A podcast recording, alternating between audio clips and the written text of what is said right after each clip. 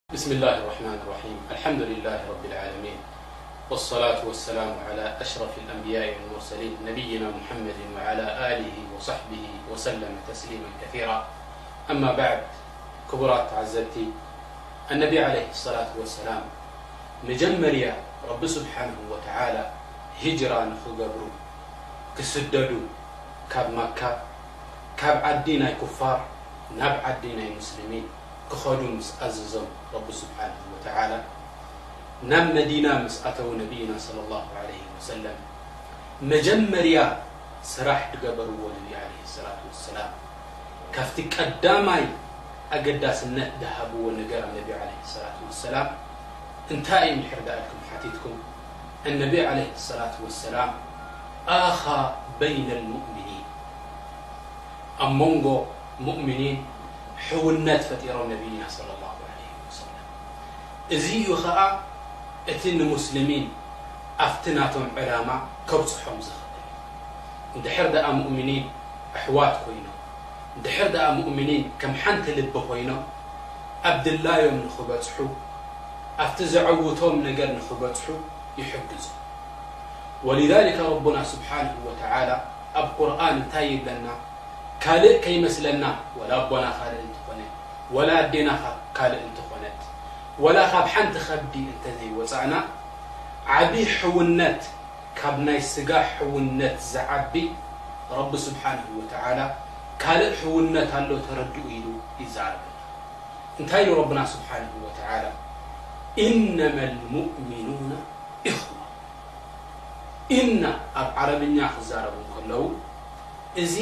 መረጋገጺ ቃል ማለት እዩ። ሙእሚኒን ኣሕዋት እዮም ተረጋገጹ ይብል ወይ ኤረጋግጸልኩም ኣለኹ ሙእሚኒን ነንሕድሕዶም ኣሕዋት እዮም ኢሉና ረቡና ሱብሓነሁ ወተዓላ። በዚ ኸኣ ነብይና ሰለላሁ ዓለይሂ ወሰለም እቲ ቁርኣን ናይ ረብና ሱብሓነሁ ወተዓላ ዝዓበየ ወይ ድማ ቀዳማይ ተፍሲር ካብ መን ንወስድ እንድሕር ደኣ ኢልና ካብ ነቢ ዓለይሂ ሰላት ወሰላም ሊዛሊክ ነዚ ከኣ ኣነቢ ዓለይሂ ሰላት ወሰላም ናይዛ ኣያ እዚኣ ናይዛ ዓንቀጽ እዚኣ ናይዛ ቁርኣን እዚኣ ዝቐራእናያ ናታ ትርጉም ንኽነግሩና መጀመርያ ምስ ኣተዉ ናብ መዲና እንታይ ገይሮም ነቢይና ሰለላሁ ዓለይሂ ወሰለም ኣብ መንጎ ሙእሚኒን ሕውነት ፈጢሮም ኣብ መንጎ ሙእሚኒን ሕውነት ፈጢሮም እሞ ኸኣ ኣብቲ እዋን ዝነበሩ ሙእሚኒን ብሓቂ ኢማን ናብ ልቦም ዝሰረጸ ሰባት ስለ ዝኾኑ እንታይ ገይሮም እቲ ሕውነት ከም ግቡኡ ኣብቲ ዝግብኦ ቦታ ኣብጺሖሞ ከመይ እንድሕር ደኣ ኢልኩም ኣነቢ ዓለይሂ ሰላቱ ወሰላም ኣብ መንጎ ሳዓድ እብኒ ረቢዕ ኣብ ሞንጎ ዓብዱራሕማን እብን ዖፍ ድበሃል ሰሓብን ኣብ ሞንጎ ክልቲኦም ሕውነት ገይሮም ኣነቢ ዓለይሂ ሰላቱ ወሰላም ምእንቲ ክንርድኦ ኩሎም ሙእምኒን ኣሕዋት እዮም ግን ነቢ ዓለይሂ ሰላቱ ወሰላም እንታይ ገይሮም ሓደ ሰሓቢ ምስቲ ካልኣይ ሰሓቢ ወዲ ማካ ሰሓቢ ምስ ወዲ መዲና ሰሓቢ እንታይ ገይሮሞ ሕውነት ገይሮም ከምቲ ዝጠቐስኩልኩም ኣነቢ ዓለይሂ ሰላቱ ወሰላም ሳዕድ እብኒ ረቢዕ ምስ ዓብዱራሕማን እብኒ ዖፍ ንኽልቲኦም ሕውነት ገይሮምሎም ኣነቢ ዓለይሂ ሰላቱ ወሰላም እንታይ ገይሮም እዞም ሰባት እዚኣቶም ትርጉም ናቱ ናይ ብሓቂ ምእንቲ ከርእዩና ብግልፂ እዞም ሰባት እዚኣቶም እንታይ ገይሮም ሳዕድ እብኒ ረቢዕ እንታይ ኢልዎ ንዓብዱራሕማን እብኒ ዖፍ እዚ እዩ ዝገንዘበይ ረኣዮ ኢሉ። እዚ እዩ እዚ ጥሪት ናተይ፣ እዚ እዩ እዚ ማል ናተይ ኩሉ ረኣዮ። ኣብ ክልተ ክመቕሎ ፍርቂ ንዓኻ ውሰዶ ፍርቂ ንዓይ ክወስዶ እዩ። ከምኡ እውን እዘን ኣንስቲ እዚኣተን ክልተ ኣንስቲ ኣለዋኒ ኢሉ። ሓንቲ ካብኣተን ክፈትሓልካ እታ ዝመረጽካያ ንዓኻ ዝዓጀበትካ ዕዳ ናታ ምስ ወደእት ንስኻ ክትምርዓዋ ኢሉ። ኣላሁ ኣክበር። እዚ ዝዓበየ ሕውነት እቲ ረቢ ስብሓነሁ ወተዓላ ኣብ ቁርኣን ልበሎ ኢነመ ልሙእሚኑነ ኢኽዋ እቲ ትርጉም ናቱ ኣብ መሬት ከምዚ ኢሉ ተራእዩ ማለት እዩ ብናይ መን ምሕብሓብ ብናይ መን ኣስተምህሮ እዩ ኸዓ እዚ ኣነቢ ዓለይሂ ሰላቱ ወሰላም ንቶም ሰሓባ ከምዚ ገይሮም ስለ ዝሓብሐብዎም ከምዚ ገይሮም ስለ ዝመሃርዎም ኣብ ተግባር ከውዕልዎ ኽኢሎም ነቲ ቁርኣን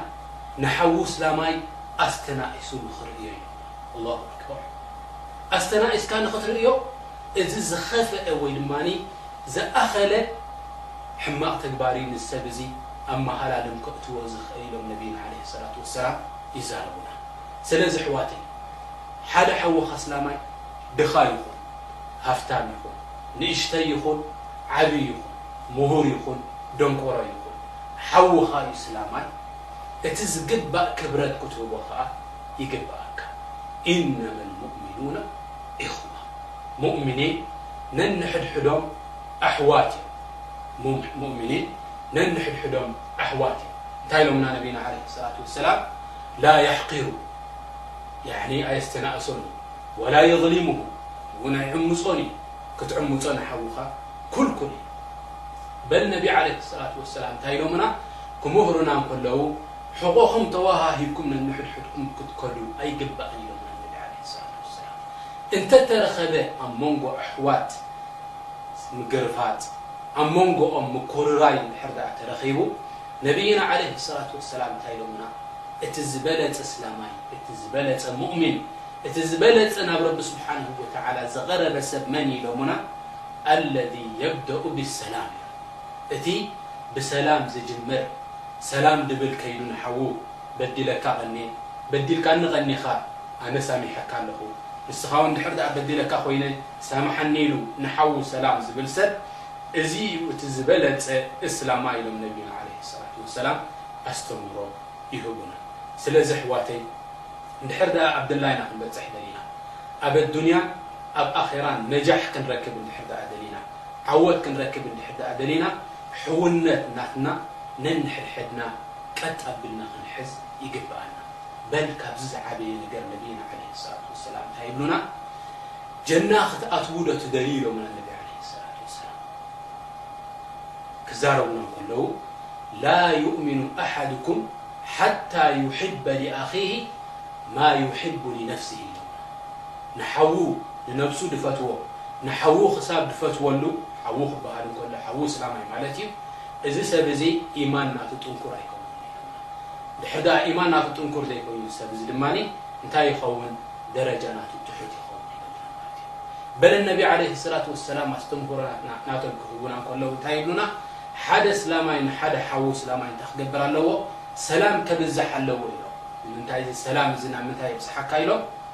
ናብ ፍቶት ናቱ የብጽሓካ እዩ ከምቲ ዝበልዎ ክዛረቡ እንከለዉ ካብ ዓይኒ ዝገለለ ካብ ልቢ ገለለ ኢሉ ካብ ዓይኒ ዝረሓቀ ሰብ ካብ ልቢ ሪሕቁ ድሕር ዳኣ ንሓውካ ኩሉ ሻዕ ትረክቦ ኮንካ ኩሉ ሻዕ ሰላም ድሕር ዳኣ ትብሎ ኮንካ ኩሉ ሻዕ ብኡኡ ድሕር ዳኣ ትግደስ ኮንካ ክትፈትዎ ኢካ ድሕር ዳኣ ፈቲካዮ እቲ ኢማን ናትካ እንታይ ክከውን እዩ ክጥንክር እዩ ክትፈትዎ እንከለካ ላኪን ሂቡኒ ኢልካ ዘይኮነ ወይ ከሊኡኒ ኢልካ ዘይኮነ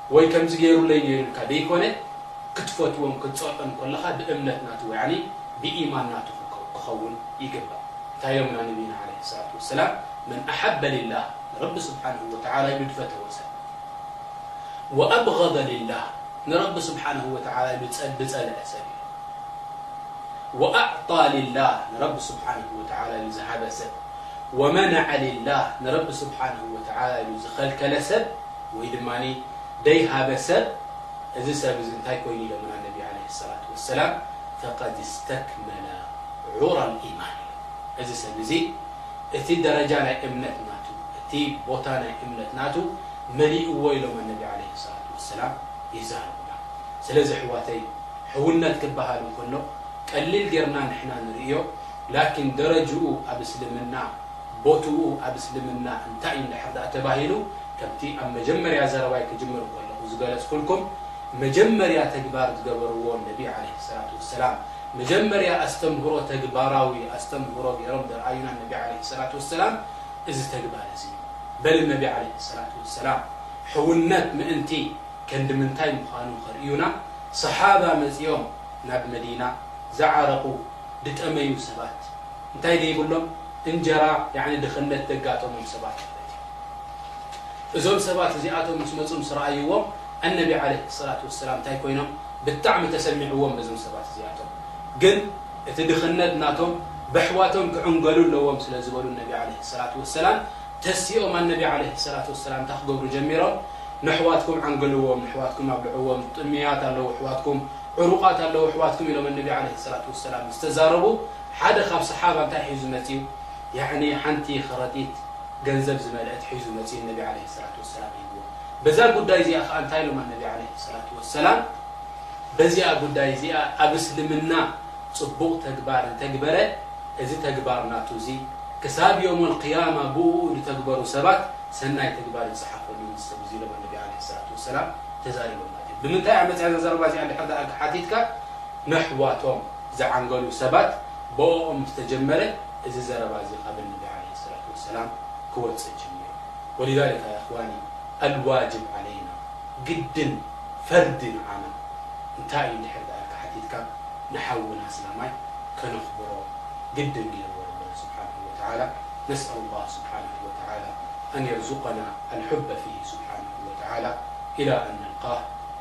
إنه ول ذلك والقادر عليه وصلى الله سلم على نبينا محمد وعلى له وصحبه وسلمتسل